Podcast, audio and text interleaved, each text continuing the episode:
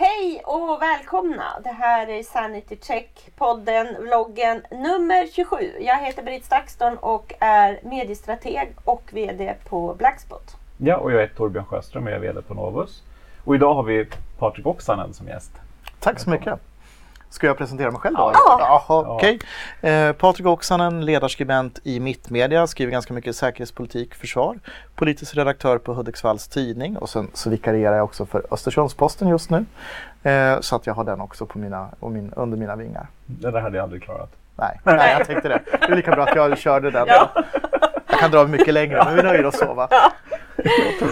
Vilken lyx att få ha dig här! Ja, men tack så mycket och det är ju kul att få vara här på Sanity Check. Eller hur? Det Ja, behövs! ja precis. I, I de, här tiderna vi lever i som är ju mer eller mindre galna. Ja. Eh, jag skrev en, en eh, kröniketext idag på, som svar på Fredrik Virtanens text och då var det apropå det här med Östersundsposten. Han har skrivit om att han avskyr Evert Ljusberg och tycker att Storskyran i Östersund är otäck för den här liksom mobiliseringen på torget och den, den regionala stolthet som manifesteras där när president eh, Evert Ljusberg kommer in och håller sitt tal på Storskyran. Det här är en tradition sedan ja, många år tillbaka i, i, i Jämtland att man har president för republiken Jämtland Ja. som är liksom lite satir och sådär. Men Evert Ljusberg håller ett väldigt inkluderande, kärleksfullt tal eh, och han liksom gör upp med eh, sådana här galningar som Kim Jong-ungen som han kallar honom, Maran Le Pen och, och sådär. Och, i det där, där talet så säger han att vi är ju i sanningen liksom i en galen värld just nu. Och det här har liksom då Virtanen knutit ihop till Katalonien. Och liksom att det är så hemskt och farligt. Okej, så all, Eh, alla så- åsiktsyttringar Ja, där, och så, så fick han vibbar när han var där på yran till, till någon bayersk ölhall 1931 och, och Hitler. Eh, och då tycker jag Oj, någonstans att vi sp- spårar iväg i, i, i våran tid och i våran värld. Apropå det där med sanity check. Ja. Men det är ju för lätt, alltså, det är ju för lätt att bli kränkt nu för tiden. Eller Ja. framförallt så är det för lätt att använda kränkta texter till att få spridning. Är det inte egentligen det som är grejen? Det är väl det att som är man grejen. medvetet misstolkar bara för att liksom. Ja, Ja. Och, och, och det är ju det som blir liksom lite grann våran tid att, att vi, vi polariserar oss och så skjuter vi liksom på sidan om målet och skriker högre och högre. Mm. Och då med dig här måste man ju verkligen eh, kika lite framåt. Eh, hur tror du, hur illa vill jag nog ändå påstå, tror du att valrörelsen 2018 kommer bli i det här hänseendet? Jag har tidigare i ett poddsamtal om just den frågan dragit en djup suck. Och sen har jag sagt Gud bevare Sverige. Ja. Eh, Och nu är sucken slutar. och, nu- och så. Och eh, det sammanfattar väl liksom eh, lite grann våran tid. Mm. Eh, med dels den dysfunktionella debatten. Sen har vi nätlogiken med algoritmerna som, som förstärker radikalisering. Mm. Eh, polariseringen ökar. Eh, en svag och dålig journalistik. Nedrustade mediehus. Eh, där kan man bara ta exemplet försvarssäkerhetspolitiken. Så på 90-talet så, så var en uppskattning att det fanns ett 30-tal journalister i Sverige som kunde det här området. Idag är samma uppskattning att det rör sig om 5 till 7. Mm. Och då räknar man in ledarskribenter. Och Inte du har två då? Och då är jag, då är jag liksom, ja, i alla fall en av dem. Eh, och det säger ju en del om, om liksom problemet att när kunskapen sviker samtidigt som tempot ökar. På 90-talet hann vi i alla fall andas och tänka Mm, exakt. och hade kanske publiceringar några gånger per dag. Nu är det ju 7.24. Mm.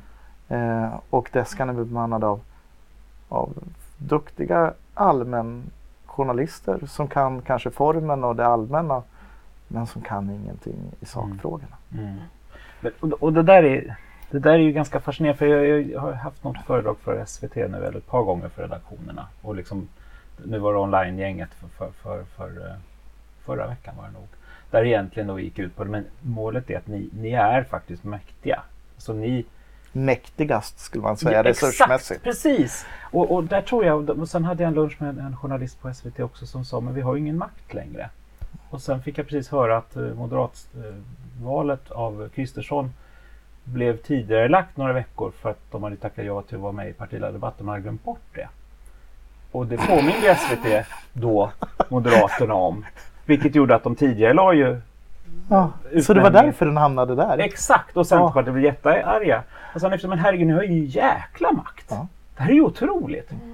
Men man tänker inte så. Och det slog mig nu att man ska fan kalla SVT för en influencer. Då jäklar. För det är ju snarare där vi ser. Det märker jag när vi jobbar med dem. För på TV4 fick jag skicka pressreleaser till alla redaktioner för att våra nyheter också skulle synas utanför TV4s ruta. Nu behöver jag inte göra ett skit. Det säger bara schbock. Och det där tror jag inte man tänker på. Utan man tänker bara på tittarmätningar. Men det är bara 75-åringar som tittar på TV fortfarande om man ska raljera lite. Så därför så har man tappat makten. Ja, men det är något väldigt kluvet i att man någonstans så vet man ju det där. Eh, men det, det, det är någonting i det dagliga som har lett till att man har ett osunt eh, fokus på hur man jobbar på något sätt. Man har, man har, tappat, man har slängt ut sitt hantverk Mm. med badvattnet och, och, och hänför sig just till att vilja lira mer med nätlogiken. Mm. Men sen när det väl smäller till så, så, så har man ju den här riktiga ehm, auran av att vara makthavare och veta bäst. Liksom. Mm. Ehm, just det där om man tittar på hur Ekot valde att besvara kritiken mot eh, Kristersson-sammanställningen som ju var liksom en kopiering av SSUs opinion, liksom lite skojiga text och summering av hans karriär. Det finns inget annat att göra än att det där ställer sig i skåpet eh, besanna idéerna om att public service är vänsterstyrt. Och att då svara i det officiella sådär att det är nej, det är befängt. Och att dessutom resonera om att vi fortsätter jobba som vanligt och vi håller huvudet kallt. När det inte alls är befängt att tro att de är vänsterstyrda om man väljer att publicera en sån sak. Och de har just bevisat att de inte håller huvudet kallt. Men där tycker jag att då sken det fram i att man ändå känner att vi har en status, vi har en position.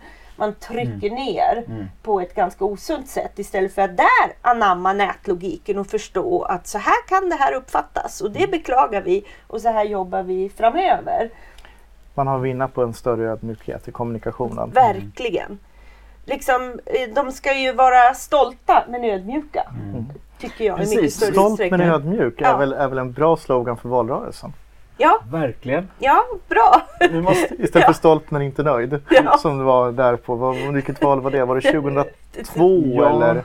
Det var socialdemokratisk slogan under Göran Persson. precis. Där- Ja, precis. Jag tänker mer på nöjd men inte stolt. Ja, Och det menar jag inte kring dem, men rent allmänt så är det nog väldigt många som känner så. Ja. Jag var tvungen att leta upp en grej, för jag såg en artikel eh, kring... Det, det är nämligen en trend, på, på, på, eller rättare att det finns, de får några miljoner tittningar som, som, där, där går ut på att man på Youtube bara sitter och viskar. Alternat, så att vi skulle prata så här lite ja, lägre. exakt. Men, men och då, och, Ja, men. Ja, det här var mer bara egentligen, det, det var egentligen inget riktigt. Det var mer att man bara fick uppmärksamheten. Och att det finns folk som då ryser över det här. Och då, då får det miljoner tittningar. Och då tänkte jag att okej, det där var, det var någon kvasi fyrkortbokstavsförkortning.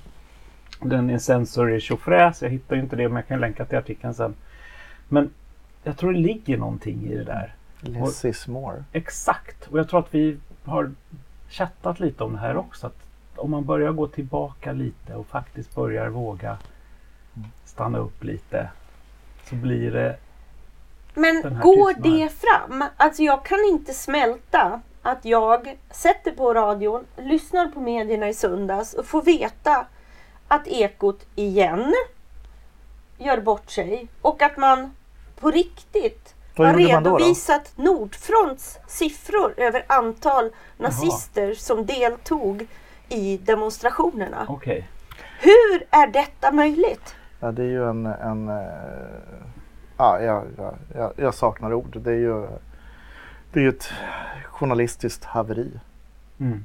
Utan Men- men- någon som helst referens till att liksom, jag tycker att det vore, jag tycker det är fel att ta upp de siffrorna överhuvudtaget. Men om man eh, anger det så borde Ekot verkligen betona att det är deras egna uppgifter. Och då ska man säga att, att eh, den nazistiska terrorsekten NMR Mm.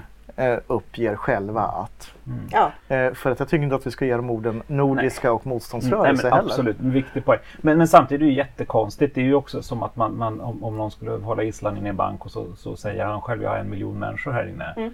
När man vet att det är tre. Ja. Alltså det blir på något sätt, vad är poängen? Mm. Men å andra sidan, det är ju medialogiken kring, kring Trump från början. Att man tycker alla vet att de här är galna så därför placerar vi dem på scen och får och, och, tala ostört. Men Ja. Men det här är ju en del i, i den, den, eh, så att säga, när, när journalistiken har inte orkar söka efter det mest sanna svaret. Mm. Utan har retirerat till den här posten att å ena sidan och andra sidan. Mm. Det finns två sidor av myntet, den postmoderna logiken, alla har rätt till att höra sin story. Och journalistiken då reduceras till mikrofonhållare. Mm. Det vill säga, Och public Vad säger service du? extra så. Mm. precis och vad säger du? Mm. Och då tycker man att man har gjort sitt jobb som journalist. Och samtidigt för, sjunker förtroendet. Det här är lite Ja. roligt tycker jag. För att om man tänker på direktsändningarna. Så här, och är ju här. Ja, nu händer någonting bakom mig här nu. Jag vet inte riktigt vad som händer. Men jag står här och i alla fall är beredd. Och sen kan det ju, ja, ibland är det en tunnelbana eller vad var det, en spårvagn som åker förbi bakom och säger det går egentligen inga spårvagnar nu. Alltså man, man spelar, man upplevs ju, man ställer sig i en situation där man faktiskt inte kan se smart ut. Typ. Mm. Utan om man beskriver istället för att kanske börja förklara.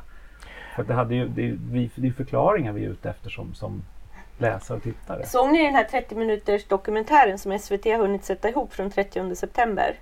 Nej. Jag är så nyfiken på vem rösten är där som pratar med någon. För där har man då valt att gestalta de, eh, de största sammandrabbningar med bilder från fria tider. Anges också i bilderna.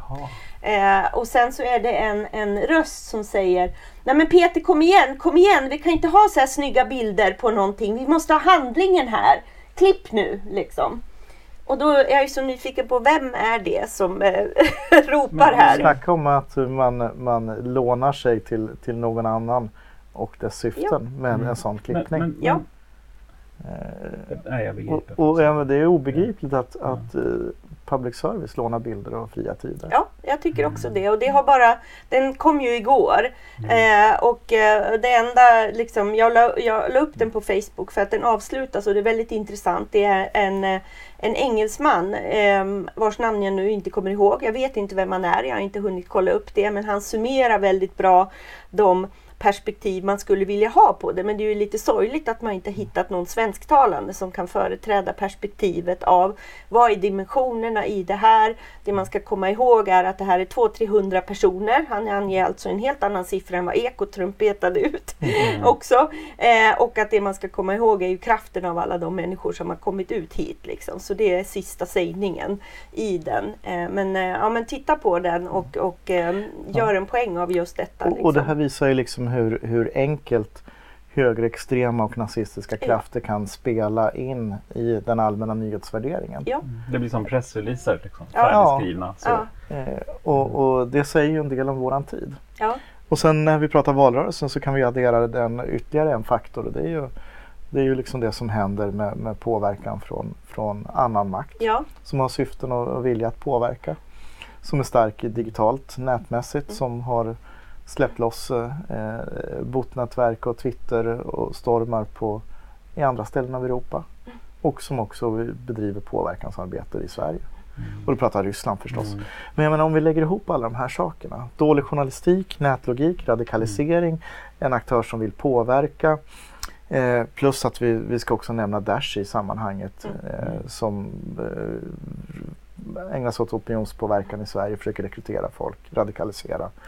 Eh, och eh, vilken häxsoppa allt det här blir Och sen adderar vi ett ganska stort politikerförakt som faktiskt finns utanför populistgrupperna. Jag brukar namnge aktivisterna som har liksom är som en helt utbrända som har engagerat sig för flyktingvågorna, eh, flyktingströmmarna och känner att ehm, vem kan man lyssna på? Vem kan man lita på här? Eh, till exempel det starka nätverket kring utvisningar, de ensamkommande från Afghanistan till exempel. Där tror jag att det finns ett otroligt stort politikerförakt i grunden.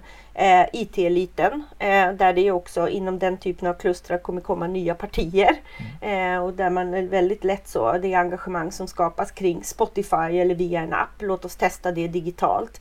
Traditionella partier är förlegade och, och ser någon slags hybrid mellan Macron och Trump i agerandet och är liksom fascinerad av vad Trump har lyckats med. Liksom.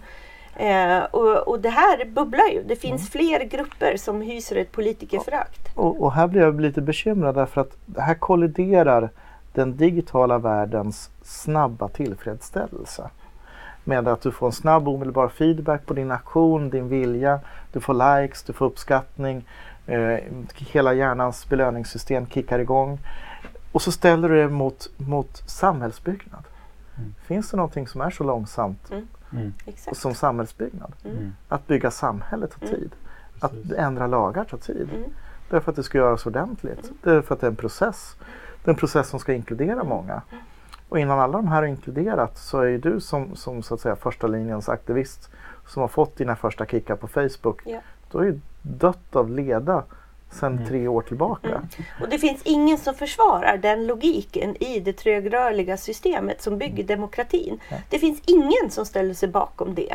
Nej, Nej, nej. som, som vågar ställa sig Nej, upp och, och säga att kan... samhällsbyggnad är långsamt. Ja. För i helvete, du kan inte tro att du löser samhällsproblemen genom att gå in och likea en Facebookgrupp. Mm. Mm. Land byggs med lag över lång tid. Punkt. Jo, det, jo, Eh, även pressreleaser. Eller pressträffar rättare Ja. sagt. Är som, som i Malmö när man åker ner och talar om att nu har vi löst det. Mm. Jag vet inte, det hände någonting efteråt. Alltså det blir så här konstigt liksom. Det, Ja, och, det och, och, Ygeman som åkte ner. Liksom, nu, nu börjar det hända så mycket så åker dit, dit och städar upp lite med en pressträff. Det ja, liksom och, det, och det funkar ju inte heller. Nej, Utan vi måste vara medvetna om att åtgärda de här problemen att kommer att ta lång tid. Mm. Eh, därför att det är komplexa frågor. Mm. Som eh, lagstiftningar, eh, hur, våra, hur vårt samhälle är konstruerat. Egentligen vilket problem vi än tar. Men förståelsen och acceptansen för att det tar tid. Mm. men det finns håller ju ingen på som beskriver. Men, och Men- för att det finns ju ingen som beskriver. Nej, därför att journalistiken inte göra. kan det. Nej. Det är det man måste precis. göra. Ja. Ni- Jag hade ju förmånen att få träffa SRs, eh, Sveriges Radios så kallade superusers, det vill säga de, de duktigaste journalisterna som använder sociala medier i en årlig kompetensutvecklingsträff de Mm. har. Eh, för övrigt ett fantastiskt och jättenödvändigt sätt att faktiskt lära sig. Och där kan man ju verkligen sätta kulturen av att ha lite högt i tak, lära sig av, av misstag som görs och inspireras, berätta av varandra och då också hjälpa varandra att hålla huvudet kallt och så vidare. Eh, och, och, och mitt klara tips där det var ju att fokusera på en demokratiskola. Alltså vad är demokratins byggstenar? Eh, och, och, som en komponent i den varelsen och inte gå mot ett håll där man håller på kladda med tårtor som Marcus Oskarsson redan gjorde 2014 Mm. när man ska förklara budgeten och heter Thomas Ramberg eller mingelvideos för att förklara vad som händer Mm. i Centerpartiet och så vidare. Nej men jag menar Oskarsson är unik. Alla ska inte kopiera Oskarsson. Nej, Eh, Utan, och definitivt inte public service. nej. Inga tårtor i public service. Det är bra devis. Så. Men jag tänker mig, för då, där, där sa jag också det som du inledde med 24-7. Jag sa verkligen, ni kommer trollas 24-7. Hur ska ni klara det? Så. Och då tänker jag mig, det, vad, vad, ska, vad skulle du säga? Om vi istället för att fokusera på allt som kommer gå åt helvete. Har vi tid att försöka hjälpa till? Nej men alltså tid har vi inte men vi måste ta oss. Mm. Eh, om vi ska liksom hantera valrörelsen. Eh, och som du säger då, vi kommer att bli trollade 24-7. Journalistiken kommer att bli trollade, politikerna kommer att bli trollade och det är många olika som kommer att vilja trolla. Mm. Eh, av mer eller mindre legitima skäl. Eh, och det ska vi komma ihåg också att vi har liksom en skala här mellan så att säga vit trollning till, till svart trollning. Ja. Men, men här är ju det att både myndigheter och medier måste bli bättre på att begripa hur fungerar den här logiken? Vad är det som händer? Eh, och också lära sig att vara ute och känna av vad som händer för att snabbare kunna bemöta det på ett bra sätt. Och då är ju det här ekoexemplet som du tog upp med, med Ulf Kristerssons CV där, det var Mm. ju ett dåligt exempel. Mm. Istället hade det varit ett bättre exempel att gå ut lite ödmjukare och säga att ja, det där var ju oerhört beklagligt. Eh, vi förstår att ni kan uppfatta det så här. Så här jobbar vi med kvalitet. Mm. Den här gången har vi brustit, vi beklagar det. Eh, men att man måste vara ute snabbt och döda de här eh, händelserna. Därför att det är när de får tid att växa till sig som de blir svårhanterliga. Mm. Men, precis, och det är ju något annat också. Vi har ju sett det i nästan alla terror, terrorhändelser i Europa. Att det, det är ju en nyhetsredaktion någonstans som skriver fel. Mm. Sen är det ju inte överallt. För det, då har man kommit innanför de här murarna också. Och, och, och, och samma Ekot-chef som nu um, försvarade det där blint sa ju också att är det på första sidan på DN så är det en nyhet. Och då har man Mm. och det innebär i, i hans perspektiv då att faktiskt det är någonting som vi direkt, det är redan kvalitetssäkrat. Ja, och det, Då- det är här det Ja. havererar därför att Exakt. Eh, DN körde ju till exempel december 2014 körde de en historia MH17 sköts ned av ukrainsk jakt, ögonvittne berättar. Just det. Och den historien hämtades från Daily Mail, en rewrite som rewrite på Komsomolska Pravda vars ursprungskälla var ett anonymt ögonvittne, det vill säga att de hade suttit och hittat på. Därför att MH17, det malaysiska passagerarplanet, sköts inte ner av ett ukrainskt jaktplan, det sköts ner av en rysk bukmissil från 53 luftvärnsbrigaden från Kursk som var inne i, på ukrainskt territorium. Eh, men, men DN är ingen garant och här kommer vi in på en, en diskussion som jag gärna vill föra och det är ju då journalistikens roll och hur journalistiken borde eh, Alltså jag tycker inte att det räcker med pressetiska regler. Det räcker inte med utgivarsystemet utan här behöver vi liksom se till att kunna gradera journalistiken ytterligare. Mm. Jag skulle vilja se ett, ett kravmärkningssystem. Alltså där du vet att det här är, är kvalitetstestat. Och ett sätt skulle ju kunna vara att sätta eh, stoppljussignaler på den artikeln. Om man återger vad DN har sagt utan att ha egna källor så borde det finnas en stor röd stoppsignal på den texten som signalerar att redaktionen berättar nu vad någon annan har sagt. Vi har ingen jävla aning om det är sant, ursäkta svordomen. Läs det här på egen risk. Vi tar ingen som helst ansvar för den här publiceringen förutom de pressetiska. Men sanningshalten tar vi inget ansvar för. Och så borde vi koppla ihop det med, med algoritmerna.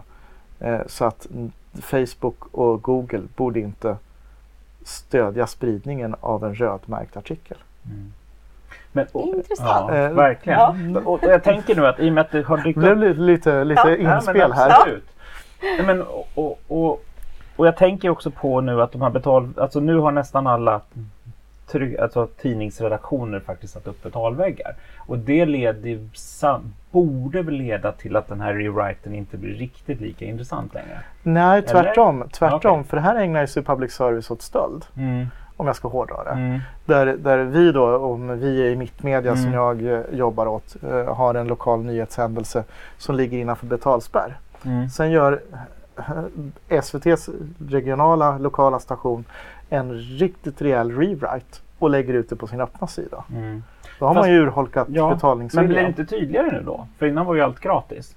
Alltså då var det ju den här cred mentaliteten om bara, bara man och det var, ju, var, var det inte DN och Omni som Mm. bråkade lite om det här att det inte ens var creddat. Ja. Och, och, och för att det var ju egentligen bara någon form av, alltså då, var ju, då legitimerar man ju stödet men det kommer ju från dig ju. Ja. Eh, men nu kanske det blir tydligare å andra sidan. Ja, fast där, lättare att diskutera. fast där urholkar ju den ekonomiska affären för den som står för primärinnehållet. Ja, men det är det jag menar. Och Det är då, det som då- blir problemet. Ja, och då går det ju att bemöta. Mm. Innan gick det ju inte att bemöta när allt var gratis. Mm. Det är så jag tänker. Att Nej. om vi nu tänker att faktiskt det finns ekonomi i nyheter, vilket ju jag är helt övertygad om att det finns.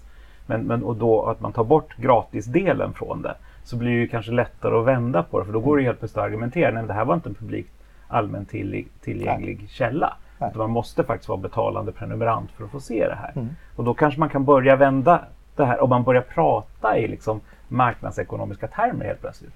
Mm. Så kanske man faktiskt inser att värdet ligger i... Ja, Ja, och dessutom, dessutom du pratar om marknadsekonomi så, så kopplar du det till en produktmärkning som Mm. krav. Mm. Så att du, du Absolut, kan få dina ja. kravflingor. Ja. Varför kan jag inte få mina kravmärkta nyheter? Mm. Det där är ju en diskussion som eh, tydligen har förts eh, otroligt länge eh, i olika sammanhang och som hela tiden döms ut som helt mö- omöjlig för man kommer in på det sluttande planet i värdering eller så. Men jag kan sätta mig i publikens sits här och jag tror att publiken kommer efterfråga det. Publiken kommer agera på det sättet. Och då tycker jag att i helgen att få se en intervju med Jocke, Jocke och Jonna och det var väl framförallt han som berättar om sitt liv i eh, DN. Eh, att hitta ett citat där, där han säger eh, som en representant för den här liksom, Youtube eh, eh, mm, eh, på något sätt. Är väl till och med utsedd som en av mediemakthavarna enligt Ja, och- Mediebarometern. Och TV4 Idol och Ja. det var några. Det, Ja, men SVT det- var inte med. Ja. Den, den undersökningen säger jag, jag eh, vill inte kommentera den men det är ett faktum och där, det gör ju också att DN refererar till honom som en mediemakthavare. Men att den personen i sig själv säger att jag kommer inte låta mig intervjuas av några andra än vad han definierar som kvalitetsmedier, DN, TV4 och så vidare. För där jobbar det journalister som är utbildade. Det är en samtidsmarkering när till och med en representant för den här nya medielogiken ser det. Jag har en massa roliga stjärndumpar hemma när just Youtube-stjärnor är så otroligt förtjusta i sin uppmärksamhet i traditionella medier på ett sätt som traditionella medier aldrig har sett eller trott ens. Eh, och det där är intressant. Publiken kommer efterfråga det. Och, och jag tycker generellt, låt Facebook bli den här skitplattformen då. Det ger ju en chans för medier som jobbar med kvalitetsjournalistik att ta plats. Och jag tror tiden börjar bli mogen för det.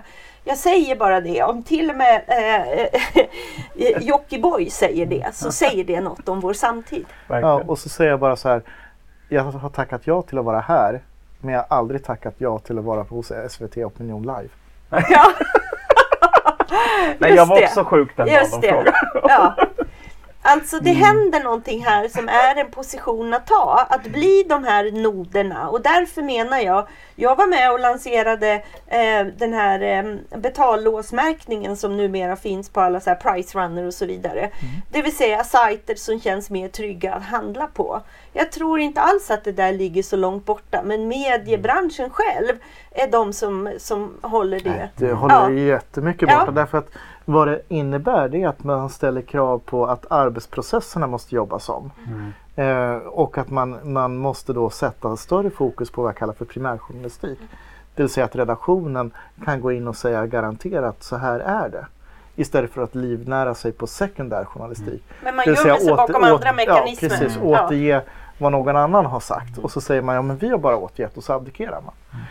Precis. Men det är ju det att man har ju, man har agerat som att digitaliseringen var en industrialisering. Mm. Där, där, där eh, liksom journalisten ersattes av en robot. Det är ju, det är ju så som är det och det är ju egentligen fel. För digitalisering är ju snarare en individualisering. Där vi, där vi vill, vi, även om man kan tycka att vi pratar om bubblor, om vi struntar i den diskussionen, så är det fortfarande så att vi vill ha mer kvalitet nu. Och vi har en chans att kunna leta upp det. Det som ju hände var att helt plötsligt kanske Jocke Jonna såg ut att vara mer kvalitet för en viss målgrupp än traditionell public service. Alltså just, och det är där man inte har lyckats hantera det. Utan då försöker man bli som dem. Eller göra tårtor. Och jag- Eller, ja. Och jag kan bara gå som mikroexempel på, på mina egna texter. Att många av mina mest lästa texter det är de som ligger på Ja, eh, de som inte går att köra i print om jag säger som så för att de är för långa. Eh, 7 till, till 14 000 tecken. Det är mina mest lästa. Eh, just för att de är längre genomarbetade och berättar någonting som du inte har kunnat fått någon annanstans ifrån. Mm. Eh, så att det, det är precis som du säger då att publiken premierar det här djupare. Men produktionskostnaden att producera det i förhållande till, till skvalet är ju för stor. Mm. Och det är här du hamnar i den ekonomiska logiken på en redaktion. Mm. Jo, men där man ju bestämde sig att- för att nyheter var gratis. Ja, vilket är jättekonstigt för konsument. Vi som konsument såg det nog aldrig så. Vi köpte ju inte tidningen för papprets skull. Det var ju inte för att tända brasan. Alltså det, men, men på något sätt har man agerat så.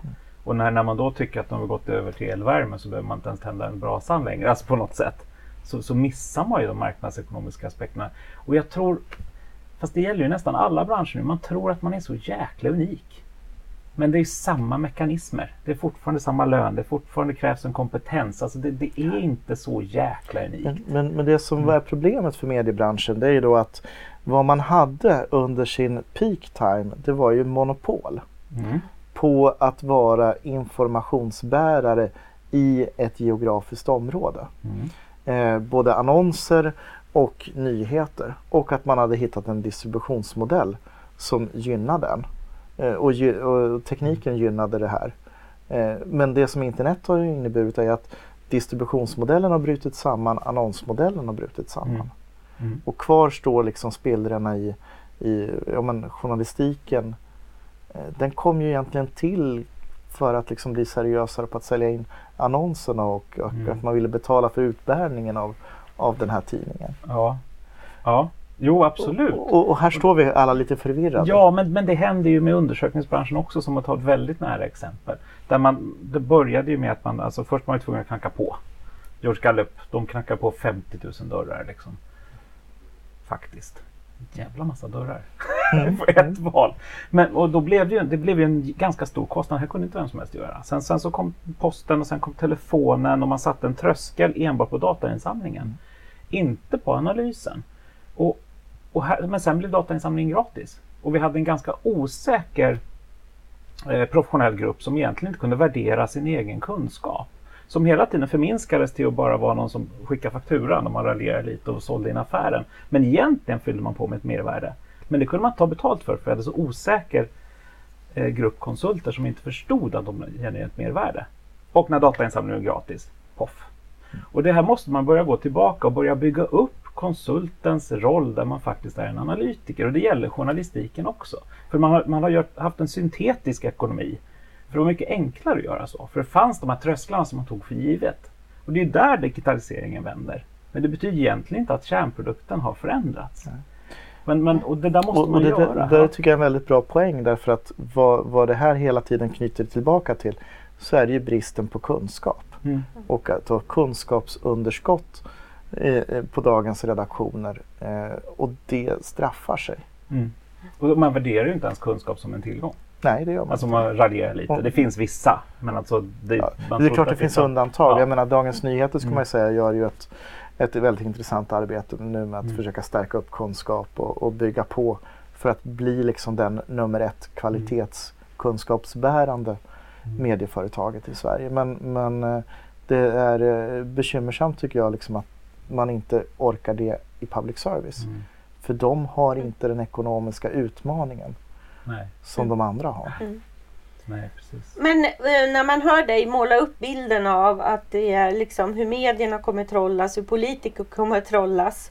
ehm, eh, och vi har den här valrörelsen framför oss. Hur kan man skaffa sig mer kunskap? Hur ska man förstå? Hur ska man få eh, både politiker och eh, medier att förstå vikten av att eh, på djupet skaffa sig den här kunskapen för att hejda den här utvecklingen? Om jag hade ett enkelt svar att hugga upp den gordiska knuten med ett uh, snyggt Alexanderhugg så skulle det naturligtvis komma nu som en fin one-liner i slutet av poddsamtalet. Men det här handlar om, om det vi ser nu är eh, så många olika delar som samverkar så att man kan säga att det finns liksom ett, ett systemhot Mm. mot, mot våran demokrati Precis. när vi lägger ihop alla de här pusselbitarna. Eh, och det finns inget systemsvar. Utan här måste man försöka gå in och adressera varje problem. Eh, och försöka hantera varje problem längs med. Mm. Och första steget i det är ju att börja begripa läget. Och där har vi fortfarande en bit kvar. Jag ser det så tydligt framför mig vad den här liksom attackfronten består av. Och så känns det som att de aktörer som befinner sig, oberoende om det är medierna eller politikerna som står här i mitten, så känns det som att de gör allt annat än att fokusera här. De är någonstans här utanför, håller på att tappa bort det och inte ser det här. Det är helt obegripligt att det fortfarande finns en sån här lite fet katt-attityd till det som sker. Och jag känner samma frustration som du. Ja. Så vi kom ingen vart, men vi Nej. tog en vända. Nej, vi tog en vända, ingen lösning, samtalet fortsätter. Ja. Och så får vi hoppas på att lyssnarna kan bidra med pusselbitar till lösningar framöver. Ja. Så skickar vi över det ansvaret liksom, till, till någon annan. Men det är lite det som vi brukar liksom att ta det en vända stärker en själv och det är viktigt nog för det är lätt att tappa fokus helt. Och sen verkligen känna att det är väl det enda vi kan konstatera att vi kan försöka förändra en liten pusselbit och tillsammans blir det ju mer gjort då. Så det är perfekt. Mm.